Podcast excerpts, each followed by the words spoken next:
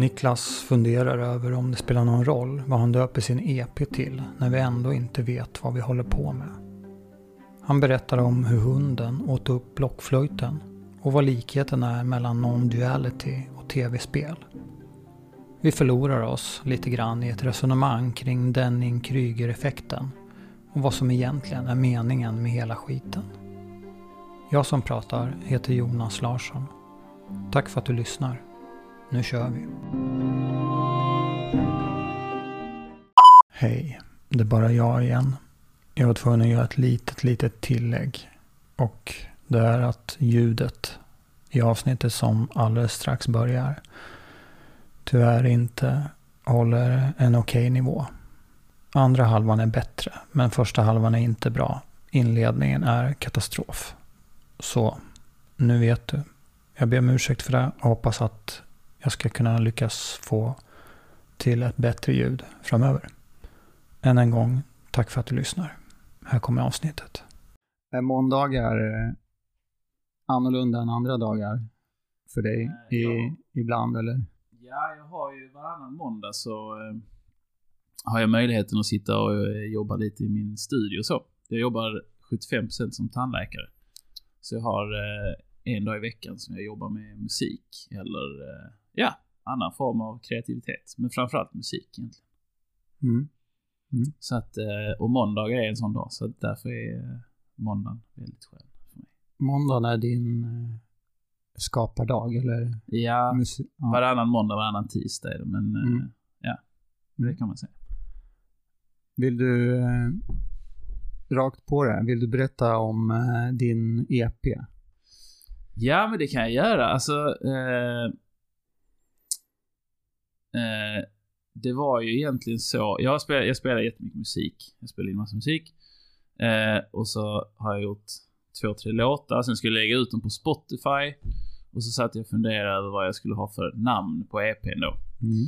Eh, och då, jag kommer inte exakt ihåg vad det var jag döpte till nu, men det var någonting i stil med... Jag tror att det var, jag skrev ner yeah. det här. Uh, What is it all about anyways? Ja, exakt.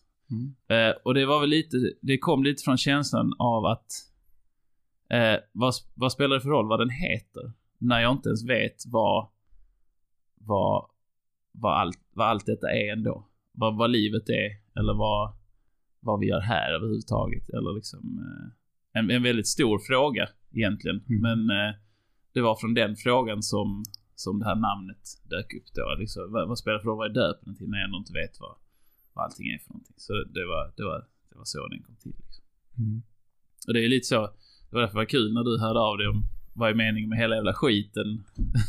Namnet på den här podden. Att det stämde rätt bra överens med min spontana tanke i det ja. sammanhanget. Men eh, just det där funderingen kring namnet då. Mm. Och eh, livet och så. Mm. Var, var det just nu, var det kopplat till att du skulle skapa den EPn?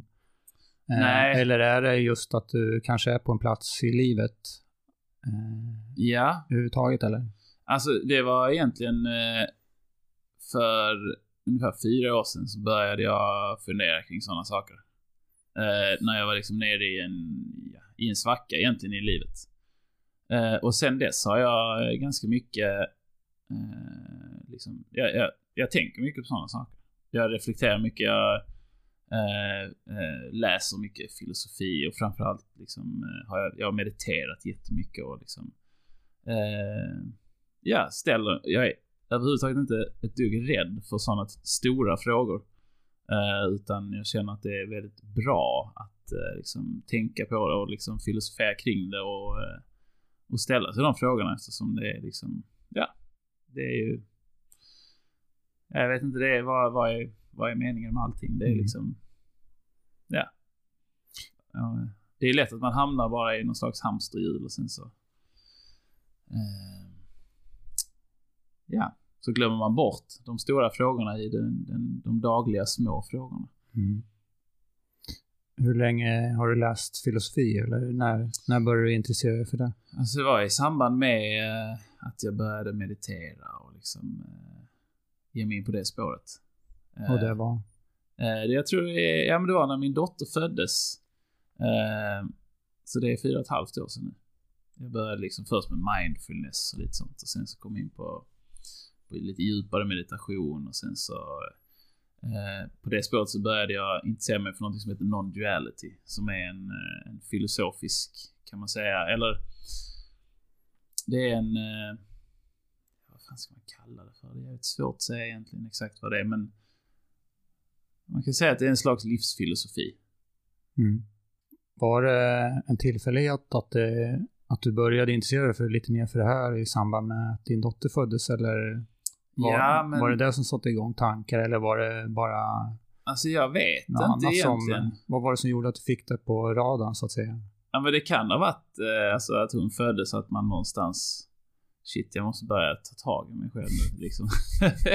jag, kan inte, jag kan inte leva så här. Jag, jag liksom... eh, Hur levde du då? då? Ja, men jag levde liksom... Jag levde väldigt osunt. Ja, jag bodde i Stockholm. Mm. Man levde väldigt osunt. Liksom drack mycket öl. Åt alldeles för mycket mat.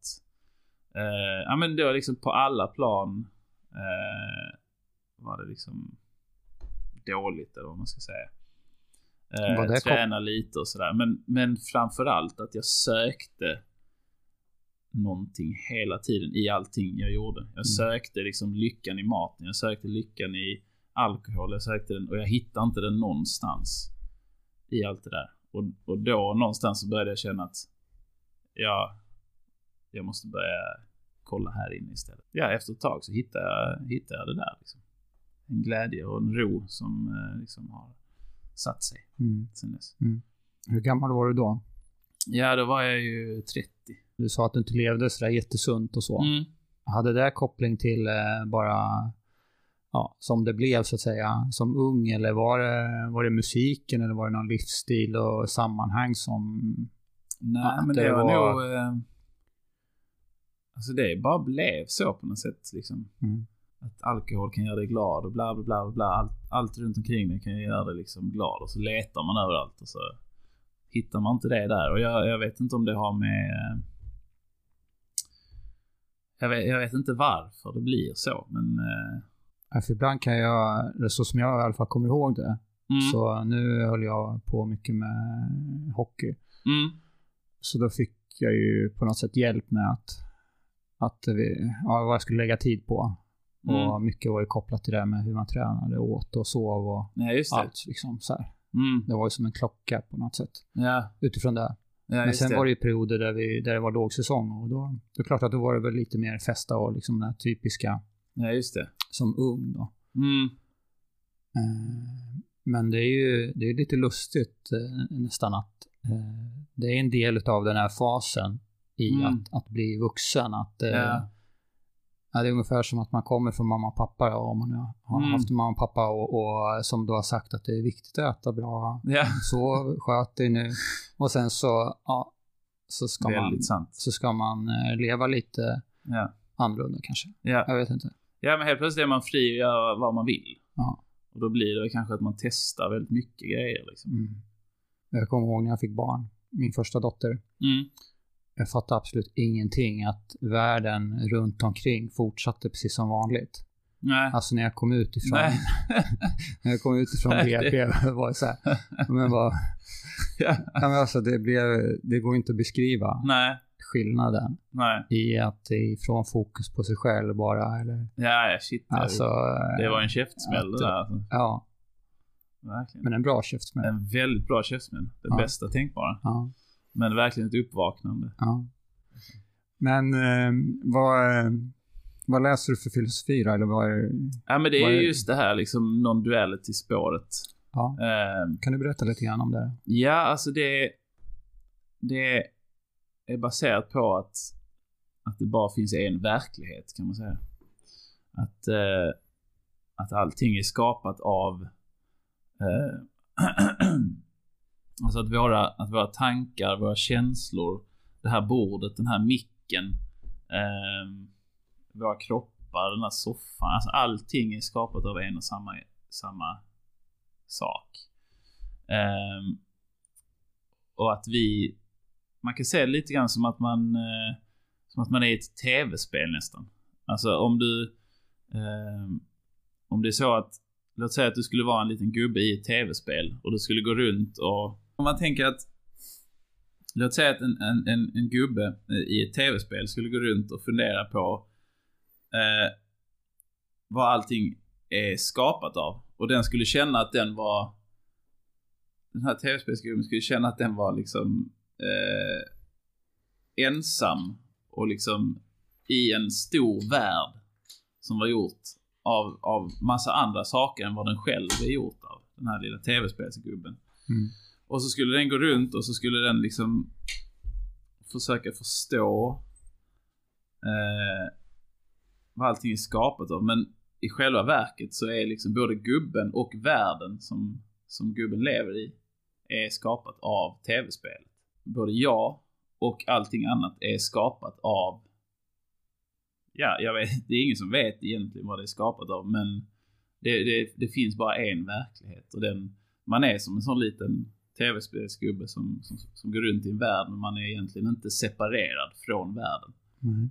Du och världen är liksom ett med vartannat. Den, li den liknelsen med tv-spel och en gubbe, den, den Mm. kan man ju känna igen sig i.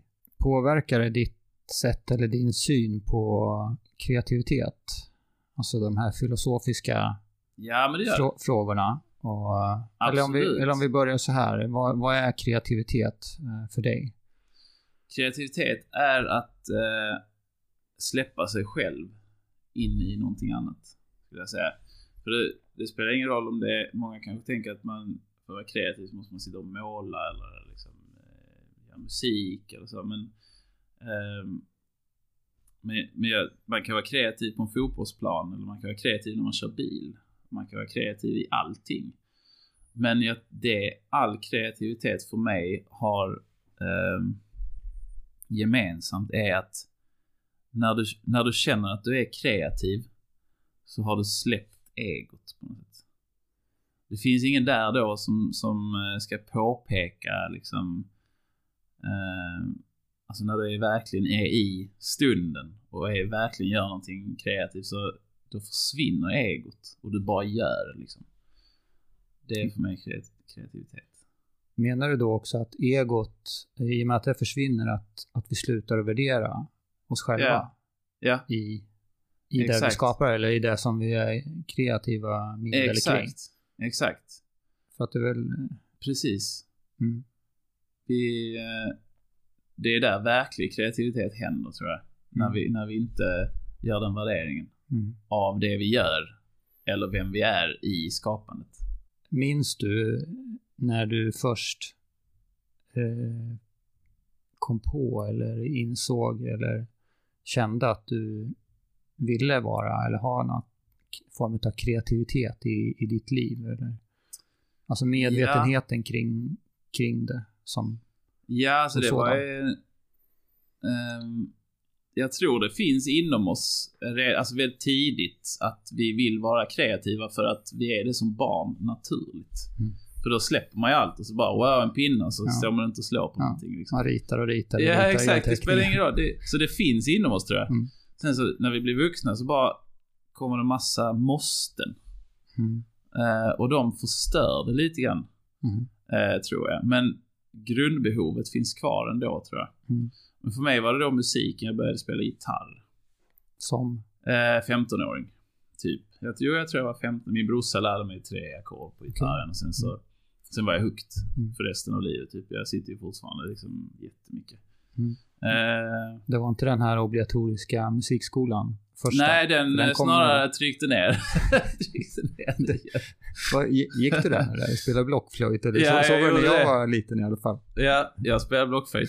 Min hund åt typ, eh, käkade upp min blockflöjt, vilket jag var jätteglad för. För det var bara liksom, när vi gick in i den, det var bara pipande i den blockflöjtssalen liksom av folk, små barn som satt och blåste som idioter.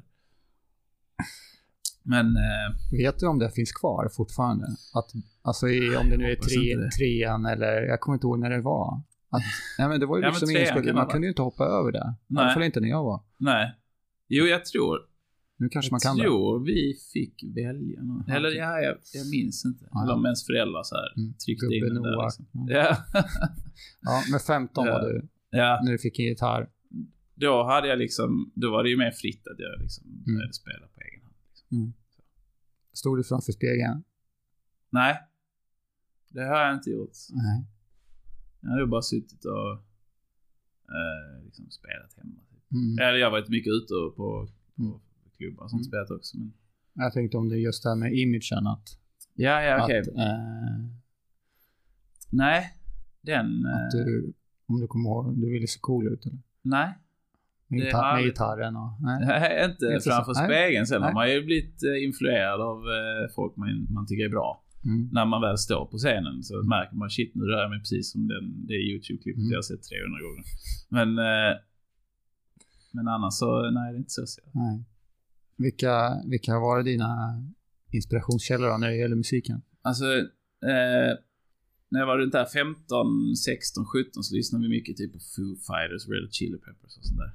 Mm. Och sen eh, när jag blev runt 20 där så började jag intressera mig för soul och funk och sånt där. Och då hittade jag Tingsek. Mm. Eh, en, eh, ja. En, ja, det är soul, R&B typ som jag, han, det var också verkligen så. Det var bara så här, precis så här ska musik låta när jag hörde hans skiva första gången. Det är liksom, det bara gick rakt in i hjärtat på mig. Och sen, eh, sen dess har jag ju följt honom eh, eh, jättemycket. Eh, Allting han har gjort. Och varit väldigt influerad av, av det han gör. Mm. Men nu de senaste fem åren så har jag mer hamnat i lite mer, ja ska man säga, hiphop, R&B, soul-aktiga grejer så. Så han, han har varit en stor eh, källa, inspiration. Och eh, John Mayer också har också varit eh, Mm. ganska tidigt där. Men- Vad är det med John Mayer som, som du gillar?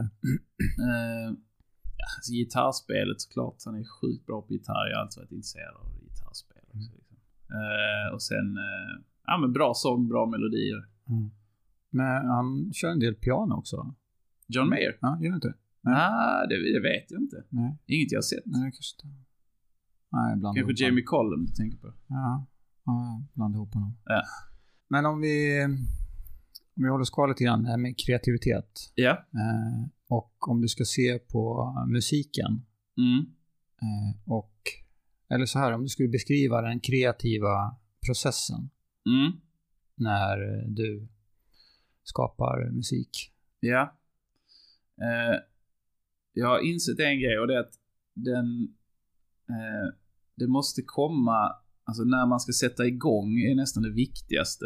Alltså det måste komma från en känsla av att man... Eh, att man vill göra det och inte ett måste. För, för kommer det från ett måste så, så är det mycket, mycket mer av de här tankarna om, om alltså egotankarna och sånt som, som ger sig in där har jag insett. Så det, men när det blir ett naturligt flow i att man sätter sig ner och börjar så, eh, så, så skapas eh, någonting mycket mer unikt tror jag. Mm. Så, så den första grundbulten i det hela är liksom när, när börjar jag? Så, alltså bara, bara låta det komma. Snarare än att, eh, att trycka fram det. Liksom. Mm. Och sen... Och där, när du säger bara låta det komma, mm, sätter du dig med bokstavligen med gitarren? Och, Nej. och, eller hur, vad är det som ska komma? alltså det, det, det som ska komma är egentligen bara en, ett, en gnista typ av att jag vill gå ner i källaren och sätta mig och göra det. Ja, det är så tidigt alltså. Ja. Du Dessförinnan så, så fimpar jag det om jag inte har den. Då gör jag någonting annat. Mm. För det finns, jag, jag tror alltid det finns en gnista åt något håll. Mm. Men eh, är den inte mot musiken så, så jag i det. Nej. Men kan du veta om innan att du eh, exempelvis eh, kalendermässigt i, ja vi säger nu är vi i, januari när vi spelar in det här. Mm. Men kan du veta om innan att i, i, i mitten på februari så vill jag gärna eh, Nej, försöka omöjligt. sätta igång en, en process eller hur, eller hur Eh, tänker du där? Eh, I mitt fall så är det omöjligt att tänka så. Jag kan inte, jag kan inte bestämma det utifrån eh, eh, en sån... Jag, jag- jag skulle inte kunna planera in. Nej. Men sen, det kan ju vara också ibland att man... att man inte har den där gnistan men man sätter sig lik förbannat. Och det kan ju komma någonting bra utav det ändå. Mm. Att man efter liksom en liten stund så, så hittar man en gnista för att man satte sig och spelade gitarr och så Shit men det här var ju rätt gött liksom. Och då, då skapar man en liten gnista. Mm. Så jag tycker inte det är fel ändå om man, om man liksom skulle planera in någonting att bara, ja men då ska vi sätta igång och då ska vi göra en skiva. Eller då vill jag. Eh, För det kan ju vara så att i den stunden så har man man har liksom tänkt så mycket på det sådär att man liksom kanske har skapat en, eh, en, en härlig atmosfär inom sig. Mm. Mm. bara bam, och så Mm. kör man igång. Mm. Kanske. Det är inte så jag jobbar, men eh, Nej. jag kan tänka mig att det kan funka. Men där, den där gnistan. Mm. Och sen då? Då är tanken på att gå ner i källaren. Ja. Så det, det är första steget. ja, då går jag, då går jag ner i min lilla studio i källaren. Ja. Eh, och eh, då... Eh, Händer det någonting i dig när du går ner i studion, i källaren? ja, men det gör det ju. Är det skillnad? Sitter du där och spelar, bara spelar? Eller är det... Spelar du i, Alltså, ska du spela in så att säga, eller skapa när du är i studion? Eller hur, hur använder du studion? Alltså, det, det är lite grann samma sak som det är... Alltså när jag kommer ner i studion så har jag lite olika möjligheter då. Jag kan ta min gitarr, jag kan ta min bas, jag kan ta... Jag kan sätta mig vid datorn och spela piano eller jag kan sätta mig vid trummorna liksom. Vilket håll jag går åt, det är också lite liksom en gnista liksom på något Mm. Att, eh, det är svårt att beskriva det men det är en känsla av att jag vill sitta vid pianot. Det är en känsla av att jag vill spela trummor. Så följer jag den Mm. känslan med. Ehm, Kan man likna det med något annat? Alltså att... Eh, nu hoppar jag tillbaka till min gamla värld och sporten. Mm. Så att, alltså kan man likna det med att ja, men idag känner jag för att springa. mm, Eh, absolut. eller idag känner jag för att styrketräna eller Absolut. bara yoga lite eller Exakt. sätta mig och mediterar. Ja, men visst. Ja. Absolut. Att det kommer, det kommer så en, som en, eh, ja. Ja. det här är det som jag... Exakt. Ja. Ja, men definitivt så. Och så börjar du göra... Ja, så bara gör jag något. Får bli vad fan det förstår, blir. du, förstår du att jag gärna vill att du ska försöka utveckla det här Ja, jag lite? förstår det. Eh, det är jättesvårt att utveckla det, för att Ja. det är verkligen bara det som händer. Alltså, jag har, jag har ingen idé när jag sätter mig där. Eh, och det som blir, det är liksom... Man kan ju säga, om man, om man skulle dra ut liksom alla gånger jag satt mig ner, så det är ofta ett mönster förmodligen vad jag liksom sätter mig med först. Och det är, ofta, det är i stort sett alltid eh, trummor jag börjar med. För att det är liksom någon slags... Eh, börjar man med rytm och liksom tempo så har man ju drivet i en låt där på något sätt. Eller så här mycket av, av alltså om du lyssnar på radio och du bara skulle dra ut trummorna ur varenda låt som du hör på radion så skulle du ganska snabbt kunna säga vilken genre du, du lyssnar på. Mm. Bara genom att lyssna på trummorna. Så mycket av vilket spår du, du går in i skapas i trummorna. Men en pianoslinga kan du ju höra i en hiphop-låt lika mycket som i en, eh, en rocklåt eller Mm. vad som helst. Så att Mm. trummor och så brukar jag fastna vid först. Eh, och då har jag alternativet elektroniskt eller eh, akustiskt. Mm. Eh, nu har jag precis köpt trummorna så nu har jag inte hunnit göra så mycket akustiska. Vad var det som gjorde att du köpte akustiska nu? Eh, har alltid velat ha det. Sen jag, var, sen jag började med musik. Mm. Fick inte av mina föräldrar, lät för mycket, bla bla bla. Eh, har inte haft eh, utrymme Mm. när jag bott i lägenhet så. Nu köpte vi hus Mm. och då köpte jag trummor. Mm. och som sagt, sen... Så nu har jag börjat måla jättemycket i akvarell och sånt där. Så att jag, jag har inte hunnit spela så där jättemycket. Jag har inte spelat in det. Nu har jag liksom verkligen fastnat i det. Var eh, målar du då i huset?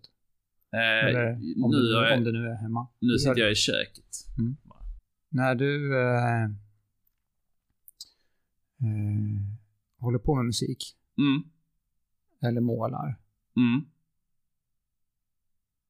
hur eh, jobbar du med att eh, inte vara så självkritisk? Eh, där har ju meditationen spelat en stor roll. Eh, från början, för den har jag alltid med mig på något sätt i, i, eh, i skapandet. För att alltså, i början, när man börjar meditera så, så lär man ju sig det här att man ska följa andningen. Eh, och att man då kan, att man kan, att man kan lära sig att, att se att, att man inte är tankarna och så vidare eftersom du konstant, så fort du börjar tänka på någonting så ska du tillbaka till andningen. Så gör man det tillbaka, tillbaka, tillbaka. Till slut så lär du dig att liksom, liksom snoppa av tanken direkt när den dyker upp. Eh, så i en kreativ process så överöses jag av massa liksom eh, tankar om att det här är inte bra, eller det här är si och så, det här är svinbra, det här är grymt, bla bla bla bla. Men jag lyssnar inte på det. Jag låter bara det vara någonting som, eh, ja, som fåglar som kvittrar runt om mig. Typ. Det finns ingenting av det som är intressant för att i den kreativa processen så att bara se det från mitt håll, det jag skapar, skulle vara en väldigt liksom avsmalnat sätt att se på det jag gör. Så att, att bara mina tankar ska berätta hur det jag gör är, blir väldigt liksom, blir väldigt avsmalnat perspektiv att se det på. För om jag skulle sätta hela jordens befolkning och titta på min bild som jag har gjort så skulle det säkert vara liksom oändligt många åsikter om den. Så varför ska jag lyssna på en åsikt i den här hjärnan? Men det finns ändå någonstans kanske det finns någonting bra att lyssna på, på rösten ibland om man... Ja, jag vet inte. Ja. Nej, jag tror fan inte det är bra att lyssna på den. Nej. Den där inre kritikern. Fast, fast, samtidigt så gör vi det väl i andra yeah. sammanhang. Alltså att eh, vi, ja. om vi nu ska släck, no, dra någon slags parallell till att vara grundad eller mm. trygg i sig själv. Yeah. Att ja, jag lyssnar på mig själv, mina behov eller vad jag tycker är viktigt eller yeah. värdefullt för att jag ska må bra. Ja. Så då vill vi ju Ja, absolut. Då vill vi gärna kanske dra åt det hållet. Ja, men absolut. Eh, och så någonstans för att eh, jag kan hålla med om att eh, just det att inte värdera, jag, mm. dels tycker jag det är svårt. Ja. Att inte värdera. Mm. För det är någon slags eh, prestationsångest eller ett behov av att bestämma om någonting är bra eller dåligt. Ja. Och det, det ger ju inte så mycket. Nej, det gör ju inte det. Nej. Men samtidigt så har jag i alla fall upplevt att det är svårt att inte ha en relation mm. till det som jag gör. I form av att, eh, det det. att jag kan njuta av det eller tycka att... Ja. Mm. Det är jättesvårt. Alltså man har ju... Man har ju relation men... Men, men det som... Det intressanta är kanske det som... De där tankarna om relationen. Någonstans kanske man också kan... Alltså det beror ju på... Man älskar ju när man har gjort någonting, någonting bra. Och tittar på det. Och och liksom bara såhär shit, fan vad bra det här blev. Så jävla gött. Mm. Och sen så, å andra sidan så hatar man när man har gjort någonting dåligt. Och då tänker man att man är sämst i världen på det man gör. Eh, ur det perspektivet så, så, är det ju inte alltid så positivt att ha den relationen till, till det man gör eftersom det skapar liksom det kan ju skapa en, en, en motpol i någonting där man Alltså man, man kanske inte är så bra som bilden, man kanske inte är så dålig som bilden. Nej. För nästa bild du gör är, blir en helt annan relation. Mm. Eh, så på ett sätt, jag tror att det kan vara lite kreativitetsdödande att ha den relationen. Ur mitt perspektiv i alla fall. Att den kan skapa, den, den här relationen du får kan göra att man eh, kanske ser sig själv som sämre än vad man är om man får en dålig relation till det senaste man har gjort. Finns det väl, eh, heter Dan Krieger, Danny Krieger eh, effekten nu kanske på djupvatten här. Ja, okay. Men, det är, men det är inget jag känner igen. Nej. Nej, men att det finns en... Eh, det finns en övertro att vi ibland tror att vi kan mer. Ja, just det. Fast vi egentligen inte kan det. Nej, just det. Och det... Ja. Medan de som kan egentligen mm. eh, tvivlar. Ja, just det. Exakt. Ja, just det. Betydligt mer självkritiska. ja, precis. Ja, det, det jag tror allting handlar om också, är att vara glad Mm. och lycklig i skapandet. Finner man sig själv då att man sitter och sliter av sig håret för att man inte är nöjd med det man gör. Då är man ute på fel spår tror jag. Formsvackor. Mm. Vad, om jag säger en formsvacka, eller formsvackor, vad, vad tänker du på då? Eh, Vad är det för någonting? ja, alltså jag tycker det, det är ett väldigt negativt begrepp. Egentligen. En formsvacka så. Det, det känns lite som att man...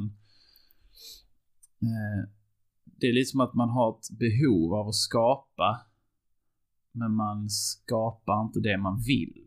Man har liksom kanske... Jag tror att man har gett sig in också på ett spår där man... Eh, där man liksom vill vara bättre än vad man är på något sätt. Och då har man kanske lyssnat för mycket på, på sina tankar om att man inte gör det tillräckligt bra, det man håller på med. Sådär. Mm. Så ja, det, det är väl lite någon slags, eh, att man inte accepterar slutresultatet av någonting man gör. Mm. Eh, och Kan du ge några exempel? Vad, ja, men, har, har du, eh, har Ja, du varit men- i en eh, ja, men formsvacka? jag, jag, ja, men det har jag. Eh, förr, mycket mer nu. För att förr så skapade jag kanske inte alltid från den här gnistan, utan jag skapade för att eh, det blev någon slags krav inom mig själv att jag skulle skapa någonting. Mm. Och då ska jag skapa det på ett visst sätt. Det ska låta som den personen, eller det ska se ut som det, eller det ska vara så. Ehm, och då tror jag att formsvackor skapas för att när man då inte uppfyller de kraven som man har på sig själv, så fortsätter man och fortsätter och fortsätter och fortsätter. Och då kommer inte kreativiteten spontan, den kommer eh, den kommer från någonting annat. Den kommer från en negativ känsla inom en, snarare än att man är positiv och fri. Man hittar inte ut. Tror du alla drabbas av formsvackor ibland? Eller? Absolut, det tror jag. Men hur ser du på det då? Har du, eller har du överhuvudtaget Ja, men... alltså, reflekterat över, jag menar formsvacka är ju ett, en benämning. Eh, Mm. Det kan ju vara att det känns tungt. Eh, Ja, eller exakt. att det bara man är, tycker att, precis som du sa, det går inte lika bra som det har gjort innan. Eller? Mm. Ja, men jag, jag tror bara jag låter det vara så då. Alltså att jag, jag är helt okej med att eh, jag är skitdålig på det här just nu. Märker, märker du själv det till att börja med? Att du, Ja, alltså det, det är också... Jag märker det som en värdering inom mig själv att nu, nu tycker jag inte att det blir lika bra. och tänker du då bara i form av att någonting blir bra? Eller tänker du även att du inte mår bra? Nej, jag tänker inte att jag, att jag inte mår bra. Det... det... Mår du alltid bra? eh, för det mesta gör jag det. Det. Jag kan inte säga att jag mår, att jag mår eh, dåligt i en sån situation. För jag, jag definierar mig inte som, eh, som problemet i det avseendet. Alltså jag, jag, jag Nej, tycker jag, inte att... jag, ja, bara, eh, För att förtydliga, jag, Ja, ja. jag gjorde inte kopplingen till prestationen. Nej. Att, eh, att jag att- är prestationen. nej, liksom. precis. Nej. Eller, eller, att det behövde få dig att må dåligt. Nej. Men eh, utifrån just att skapa Mm. så är ju att göra någonting. Alltså att man kanske känner att det blir inte lika bra. Mm.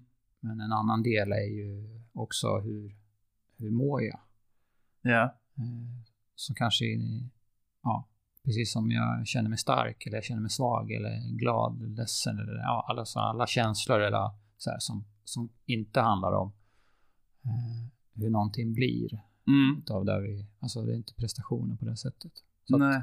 och är mer liksom kanske en annan sida utav eh, en formsvacka. Jag är nyfiken just på förhållningssättet och ja, Mm. relationen till Mm. Eh, alltså för att en formsvacka kan ju, det kan ju vara så många olika saker. Ja.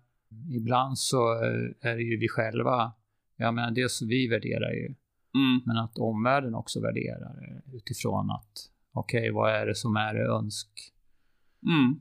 önskvärda eller vad är det Ja. vi strävar efter? Mm. Ja, det är ju ganska sällan att eh, ja, jag har verkligen lyckats för jag, nu har jag haft tre formsvackor Mm. på tre månader. Mm. Utan det är ofta framgång eller, ja, eller vad, Ja, precis. Ja, och- samhället har ju en... Ja, och att det det. påverkar att eh, jag upplever att vi ibland får kämpa med att eh, inte värdera då exempelvis Mm. en formsvacka som någonting särskilt farligt eller ens negativt utan att eh, Nej, just det. Men sen, jag jobbar ju som tandläkare och där har man ju en annan... Där jag måste ju hålla en viss nivå för att liksom skapa en god hälsa hos folk.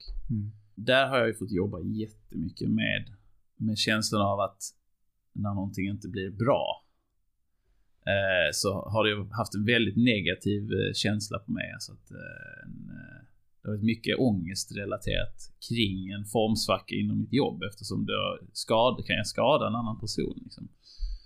Men jag har landat någonstans i att intentionen, så länge den är god, så länge jag gör vad jag kan, eh, så är det det absolut viktigaste.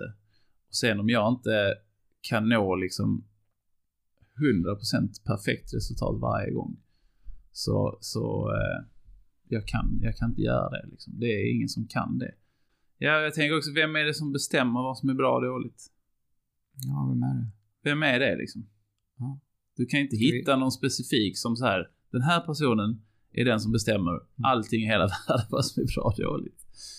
Det finns ingen sån. Liksom. Nej, men på ett sätt då, om vi nu inte ska försöka fråga halva världen Mm, eller försöka hitta den som bestämmer, mm, är inte det, eh, tyder inte det på att vi eh, behöver lyssna ganska mycket på oss själva och känna att vi att det där eh, som jag gjorde eller det är i alla fall tillräckligt bra eller det där, ja jag är nöjd med det där.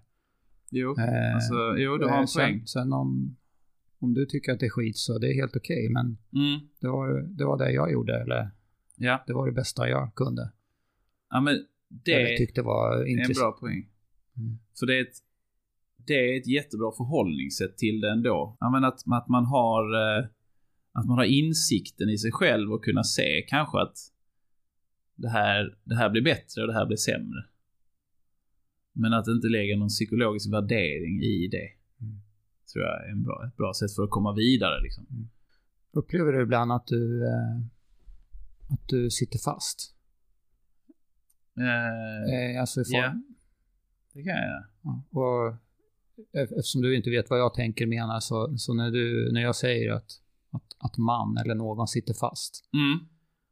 vad, vad, vad tänker du då? Vad betyder det? Ja, att man, att man helt enkelt inte kommer vidare med det man gör. Att, alltså, om man tar musiken då exempelvis, att jag, att jag sitter och gör musik och sen så helt plötsligt så bara dör det. Så vet jag inte vad jag ska göra. Jag kanske lägger till en ny gitarr men det blir inte bra. Jag lägger till en ny bas och det är inte bra. Man gör allt. Ingenting fungerar. Mm. Eh, det är för mig att sitta fast. Eh, hur jag förhåller mig till det, skit i att göra någonting. Gör någonting annat. Det finns ingen gnista där då liksom. Låter man saker och ting vila så, eh, så brukar det komma en gnista så småningom igen. Läser du någonting just nu? Eller vad finns på ditt, om du nu har ett nattduksbord? Eh, där finns en bok om ved. Eh, för tillfället. jag fick låna den av en kompis för den hade sån fantastisk inledning så jag tänkte jag måste låna den. Men sen har jag inte hunnit, eller jag har hunnit, men det har inte blivit att jag har läst i den. Men annars då, om du nu vill eh, lära dig någonting nytt? Mm. Vi var inne lite grann på YouTube och Ja. så, men, men om du, om du vill känna att du vill lära dig någonting nytt, Ja. hur gör du då? Alltså akvarellmålningen är ett jättebra exempel där, för det, det jag har aldrig målat förr. Mm. Eh, men fick för mig, jag såg ett YouTube-klipp på någon som målade och tänkte shit det ser ju skithärligt ut. Eh, så jag, eh, i det här fallet så fyllde jag år eh, i oktober och så fick jag lite målningsprylar av min fru. Eh, för jag hade snackat så mycket om det och sådär. Jag, tänkte, jag sa jag ska köpa det, så man nej men vänta lite. Och så fick jag det i födelsedagspresent. Eh, och sen eh, efter det så har jag bara gett mig in i det totalt liksom. Typ varenda ledig stund. Kolla YouTube-klipp, läsa böcker. Måla jättemycket. Eh, och gräva ner mig själv totalt liksom i det. Mm. Eh, Gillar du det där nördiga? Ja. Jag älskar det. Ja, men jag tror det är Einstein som har sagt att ju mer du vet, Mm. ju mer inser du att du inte vet. Ja. Och det blir ju lite grann så. Då, då har, halkar man ner hela tiden ändå. Ja. För man tror att okej, okay, men vet jag lite till så, så kommer jag liksom... Men då finns det ännu mer att veta. Liksom. Men det kan jag tycker det kan vara ganska skönt. Det är asket. Att, att känna det att eh, jag har ingen aning om egentligen Nej. någonting. Nej, exakt. Även om jag fattar att vissa bitar har ju liksom fallit på plats. Ja, men eh, det kanske är det som är meningen med hela jävla skiten. Och inse att vi inte vet någonting. Nej. Så, Yes. då kör vi Ja, yeah. igen. ja. Yeah. Kan inte du berätta lite grann om ditt låtskriveri även vad du har gjort eh, åt, eller tillsammans med andra artister? Jo. Eh, ja, jag, om jag börjar från första början. Första begynnelsen. Eh, jag började spela gitarr när jag var 15 eh, ungefär. Började intressera mig väldigt mycket för att skriva musik ganska tidigt. Eh, tyckte det var väldigt kul. Eh, och sen, eh, sen började jag spela mycket ute på klubbar och liksom, ja. Jag spelade väldigt mycket med en av mina bästa vänner som heter Johan Meyer. Eh, och vi hade en liten duo och vi eh, åkte runt och spelade på massa klubbar och barer och allt möjligt. Eh, och sen eh, vid ett tillfälle så eh, spelade vi på en klubb, eh, HIP i Malmö. Eh, och då var det en DJ där som heter Ali Payami. Som tyckte att jag sjöng bra och ville att, eh, ja, ville, ville göra någonting med mig helt enkelt. Han, han producerar mycket och sådär. Eh, så housemusik. Eh, När var det här? Det var väldigt länge sedan nu. Vad kan det ha varit? Eh, typ 2002, 2003 kanske. Mm. Eh, och så träffades vi och så gjorde vi lite musik och så eh, var det en av de låtarna som blev, som blev ganska bra. Eh, och det var, vi hade, det var kul, och jag, vi, det, vi gick bra ihop och sådär. Med musiken. Eh, så vi gjorde lite musik där ett tag. Eh, sen efter det så kom jag in på tandläkarutbildningen. Fortsatte spela in massa musik själv och liksom spela gitarr och allt möjligt. Spela på alla fester och sådär.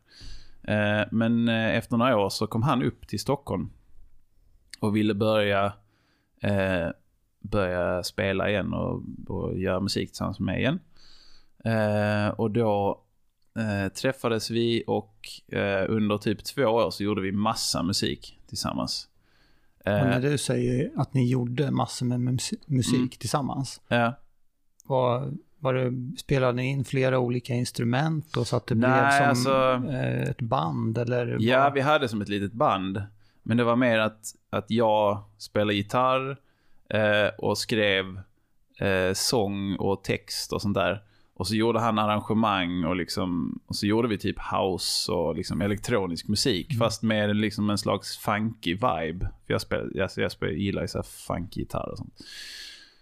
Eh, så vi, ja, vi, vi gjorde ett helt album helt enkelt egentligen. Och massa låtar. Eh, och i takt med det, jag gick ju tandläkarutbildningen.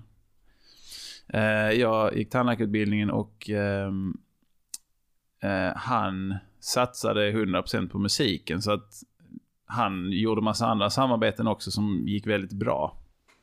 Så att han etablerar sig mer och mer. Eh, och eh, ja, han, han, eh, han började skriva musik bland annat med, med de här, eller han kom in i den här gruppen Wolf Cousins. Som är liksom en grupp som sitter rakt under Max Martin och Shellback typ och liksom, ja. De, de träffar ju massa stora artister och gör musik med dem och sådär. Så via honom i samband med allt detta så, eh, så fick jag också vara med. Eh, han, han, han tog med mig ibland på vissa liksom, sessions och eh, när vi skulle skriva till någon och sådär så fick jag, ja, så ville han ha med mig i vissa sammanhang där. Eh, och eh, ja, på den vägen var det då i några år och vi, vi höll på att pyssla med det och jag, jag blev signad på Warner Music i samband med det. Och, Vad betyder det när man blir signad? Vad, vad, händer? Alltså som, vad händer då? som, ja alltså egentligen är det inte så jättemycket som händer mer än att man har, man har folk att spela upp musiken för som man gör och eh, de kan skicka ut det i sina kanaler. Kanske om man skriver en låt så kan de säga ja men den här artisten skulle, skulle, skulle den lämpa sig bra för. Och så kan man sätta, kan, sätta dem ihop, liksom så här låtskrivarteam och sådana grejer. Snarare än om man skulle vara själv, då är man liksom bara helt ensam på något sätt. Liksom då Just ska man ha väldigt mycket Mm. kontakter. För... Så är det lite avtal också. Ja, exakt. Precis. Samarbetsavtal. Precis. Mm. Eh, men eh, ja, så i, i allt det där vi höll på i massa år att skriva och sådär. Eh, och eh, efterhand så, så började det gå väldigt, väldigt bra för Ali då. Eh, och jag var ju snart färdig med min tandläkarkarriär så att jag liksom, ja, jag, eh, jag, jag hade inte riktigt samma tid med liksom låtskrivandet på den nivån. Alltså jag, det var antingen fick jag välja tandläkare eller så fick jag välja musiken. Och jag valde tandläkare eh, då. Eh, men Ali började vara med på så här med liksom låtar med Taylor Swift och eh, Ariana Grande och eh, ja, alltså The Weeknd, alltså jättestora artister. Mm. Eh, och då, eh, då använde han lite av det vi gjorde tidigare. Då använde han lite av de, de låtarna som, eh, som, eh, som vi hade gjort då. Bland annat då en låt som heter Style. Eh, den heter Style nu i alla fall, som är en Taylor Swift-låt. Som, eh, där han använde då en gitarr som jag spelar. Och så byggde de en låt kring den gitarren och det beatet som vi hade gjort tidigare, jag och Mm. Ali. Ehm, så det var, ju, det var ju skitkul, man fick vara med på den grejen. Och likadant Ariana Grande var också en sån låt där de tog eh, en gitarr som jag spelat in sen tidigare och använde i låten. Ehm, Det, lite så. lå- det låter ju som verkligen som någon helt annan värld. ja, ja, att men, ändå, men ändå som verkligen. att, eh, var det lite stolpe in eller lite tillfälligheter eller? verkligen. Enbart liksom. Och sen att jag... För det var ingenting som du, du jobbade inte 100% med musiken då. Nej, nej, nej, verkligen Utan inte. det var eftersvall, eller ja, vad man Ja, nu ska men säga. precis. Ja. Exakt. Så han, Ali ringde en dag och bara, ja men kan vi, du- ja, vi använder den gitarren på eh, liksom den Taylor Swift-låten, är okej liksom? Ja, kör på. Du, du tyckte det var okej. jag tyckte det var okej. Eh, och sen, eh, nu släppte Tove Lo också ett album för, eh, ja, ja men det är, det är nog ändå ett år sedan eller två kanske. Där jag också har varit med och skrivit en låt. Och den skrev vi också under den här tiden när jag och Ali skrev väldigt mycket musik tillsammans. Så eh, då, då, var, då var jag med och skrev den låten till Tove Lo. Då. Vad heter den? Eh, Stranger heter den. Mm. Ehm, så den, och det var ju också, ja, det var ju typ sex sig år då, sedan. just att uh, Tove Lo? Eh, nej men vi jobbar, alltså hon jobbar också som låtskrivare under Warner. Mm. Då när jag var med där. Eh, och ehm, hon, hade, hon, var inte, hon hade inte etablerat sig som artist då. Så hon höll på att liksom satsa och så. Eh, så ja, jag var ju med där när hon, var med, var med. Men jag liksom fick följa hennes Mm. uppgång där lite. Eh, så det var också kul. Du satsade ju på, eller sats, ja jag säger satsade på tandläkare Mm, och att du, när du hade utbildat dig klart, det Mm. var lite ett vägval där. verkligen. Och vad var det som, hur, hur tänkte du och var det tydligt? Jag tror inte jag vågade då eh, slänga mig ut i musikbranschen riktigt. Eh, dels för jag nog kände att det kanske alltså man måste vara ganska tuff och hård liksom och eh, På vilket sätt då? eh, ja men det är lite liksom eh, eh, man måste liksom vass, vässa armbågarna lite och, och trycka sig fram. Det är liksom ingen som kommer och säger alltså Man måste säga att man vill vara med eller? Exakt. Det är ingen som bjuder in dig av liksom bara så här. Om du inte har mass, om du inte redan är stor liksom, då är det väl säkert lättare. Men, eh, ja, men det, det är väldigt mycket så, man måste kämpa sig fram, man måste liksom eh, ha, ha liksom mycket kontakter och sådär. Och, och jag, jag är inte riktigt en sån person. Eh, utan jag, jag, ja, jag vet inte, det, det blev helt enkelt att jag inte att jag inte ville ge mig in i det. Mm. I den branschen. Liksom. Eh, och så var jag färdig tandläkare, liksom hade fått ett jobb och liksom, eh, ja, det var, det var enklare. Mm. Eh, och sen, ja, så valde jag den vägen helt enkelt.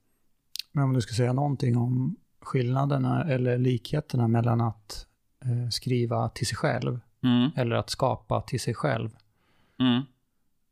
och, ja, kontra till någon annan. Mm. Alltså det är mycket roligare att skriva till sig själv, Mm. tycker jag. Alla är säkert olika där, men jag tycker det är mycket härligare att inte ha... Ja, för det var en av grejerna till varför jag inte gick vidare på den biten heller. För att det är så styrt var det ska ta vägen någonstans.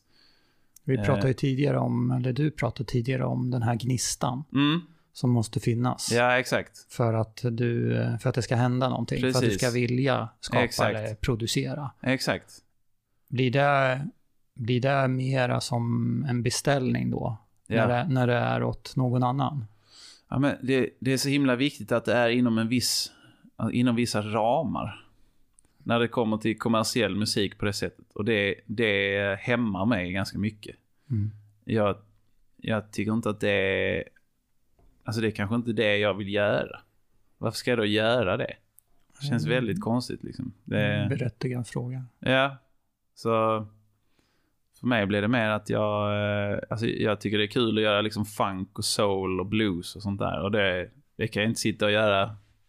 Det är ingen som kommer vilja ha den musiken om jag gör den så. så att, eh, sen så finns det alltid liksom en... Eh, alltså när man skriver musik och så, så kan det alltid vara, vara kul i popmusik att liksom influeras av någon annan stil. Typ ja, men att man gör någonting bluesigt eller att man gör någonting funkigt och så. Det är, det är ofta uppskattat men eh, att så här renodlat göra det, den musiken så som jag tycker att det ska låta, det, det, skulle, det skulle ingen vilja ha. Liksom. Kände jag. Så att Mm. då är det bättre att vara tandläkare, jobba lite mindre och så gör jag den musiken jag vill. Och så har jag liksom ändå... Jag har ingen press på mig att jag måste göra något som någon annan säger. Eller jag har ingen press på att jag måste dra in pengar från musiken. Så... Ja, du kan ta det, det gottaste ur det. Ja, men exakt. Precis. Att, Exakt. nu när vi spelar in det här så ju, har ju precis Melodifestivalcirkusen Mm. dragit igång. Ja. Och jag tänker på, där är alltid någonting som jag har funderat över. Det är alltid, eller i regel, samma låtskrivare. Mm. Just det. Eller många i alla fall som skriver till flera bidrag Mm. till och med. Ja. Om vi nu å ena sidan i Sverige är duktiga på att skriva eller att skapa musik, hur kommer det sig att det är så, att det är så få namn ändå som, som cirkulerar i just den där världen tror du? Ja, det är en jättebra fråga. Ja, alltså jag tror ju... Eh, det finns ju säkert vissa som är väldigt duktiga. Liksom, eller det, det finns vissa som är väldigt duktiga. Och ehm, som kanske har lättare att liksom, skriva musik som, som gemene man tycker om. Ehm, och då har väl de lättare att hamna där också antar jag.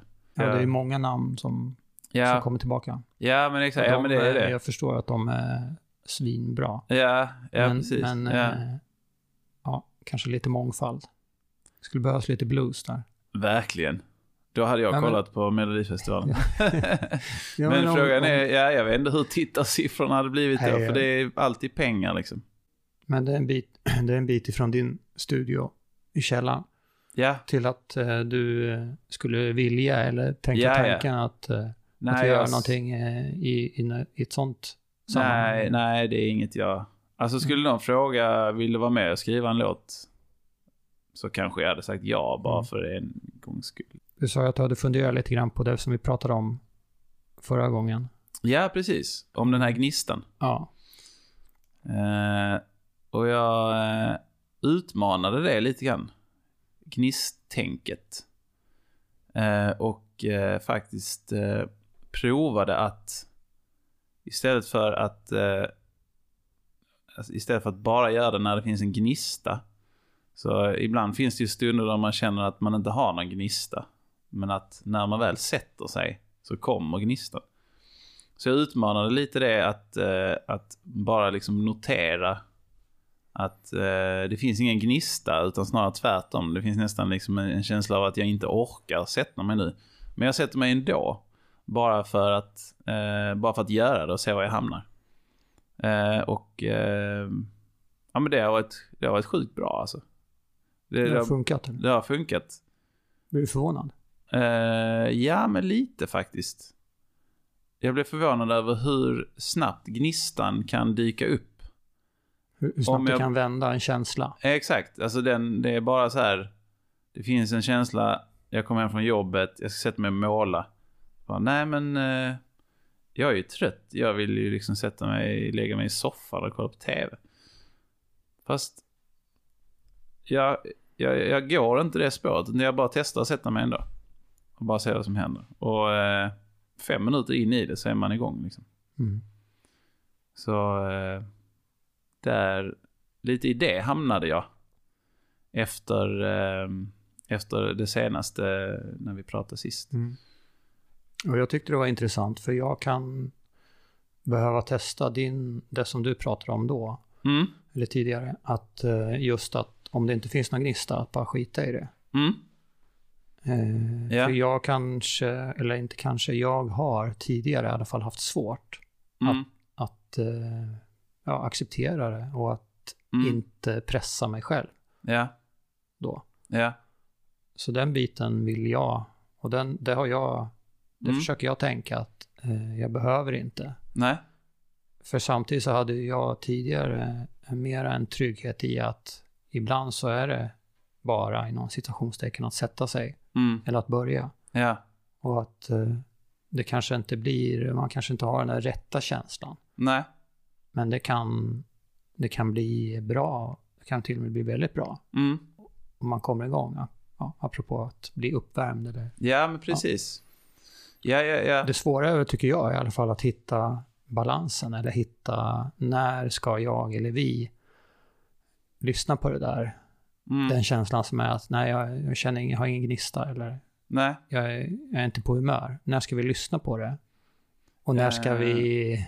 jag tror det det, är... det där, den, den, Ja. eh, eh, det är någon slags eh, gummiband, ja. tror jag. Ja, eh, om du frågar mig så det som får styra det är intentionen till varför jag ska sätta mig. Eh, tycker jag är viktigt då. För finns det en intention att jag ska sätta mig av fel anledning så eh, kommer det inte bli bra i slutändan. Vad skulle fel anledning Ja, men det kan vara att man kanske gör det för någon annan. Eller att man gör det för att... Ja, men typ som att jag, jag sätter mig för att jag ska skriva musik, för jag ska bli känd, för att jag ska tjäna pengar, typ. Det är fel anledning. Rätt anledning, enligt mig då, kan vara... Jag sätter mig för att... ehm, för att bara se vad som händer. För att utforska mig själv och utforska min kreativitet. Det är rätt intention i så Mm. fall. Märker man att man, att man bara gör eh, att man bara gör för att liksom komma, komma iväg från någonting kanske. Eller så, fan vilken jobbig dag på liksom, jobbet, allting sket sig. Typ.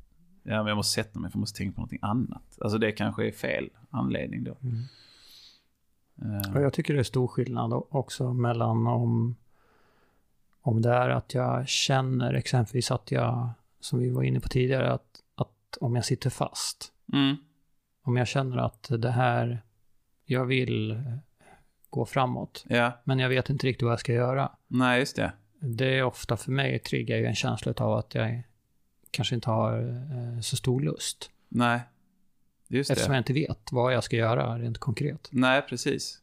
Men där har jag väl ändå upptäckt att det är bra när jag, i alla fall efter ett tag, inte lyssnar på den känslan utan att jag istället, Mm, att jag faktiskt börjar göra. ja, Och det där är inte det viktiga vad jag gör, nej, eller hur. nej, Utan att jag börjar göra, att jag sätter mig eller vad det nu är, eller Mm. tar en promenad eller ja exakt. så, så det kommer, eh, det händer saker då. Mm, Sen kan det väl vara tillfällen där vi känner att ja, att vi skulle behöva lite stimulans, Ja. apropå kreativitet eller något. Mm. Men att vi då kan unna oss att vara lite kräsna, att kanske inte sätta oss då eller börja om vi inte riktigt känner för det. Nej, Eller Nej, hitta, hitta rätt anledning. precis. Vi måste inte. Nej. Vi måste inte göra det. Nej. Aldrig någonsin. För det är ingen som begär det av oss egentligen. Nej. Jag gillar ju verkligen inte att svänga mig med ordet måste. Nej. Nej, det är ett Det, det är väldigt, ord. väldigt sällan Ja. som det finns måsten. Ja. Utan de är ju kopplade till någon större helhet. Sen kanske inte precis just där och då. Nej. Nej, men exakt. Kanske är det, eller kanske, för mig är det i alla fall att ibland, inte lura mig själv, men att jag känner att jag har ju både ansvaret och möjligheten Mm. att göra väldigt många aktiva val. Mm. Det här vill jag, eller det här vill jag inte. Ja. Det blir ju olika konsekvenser. Mm. Ja. Men att det väldigt sällan handlar om bara rätt eller fel. Ja. Eller roligt eller tråkigt eller alltså motsatser. Nej, precis. Sen klart att det i ditt fall, du ska, kanske inte så populärt om, om du ringer till jobbet och säger att jag, jag vill inte komma idag. Exakt. Ja, men du måste. Nej, det finns inga måsten. Exakt. Nej, men man har ju vissa saker som, eh, som man måste göra. Ja.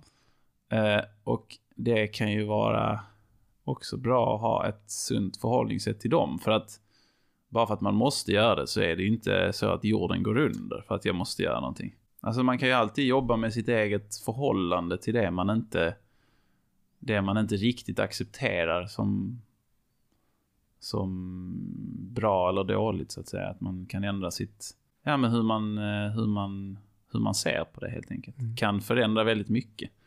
Ska vi säga så? Ja, Avrundar vi. Tack för Yes. att du eh, ville komma tillbaka och, och prata lite till. tack själv. Ja. Det var jättekul att vara med. Ja, bra.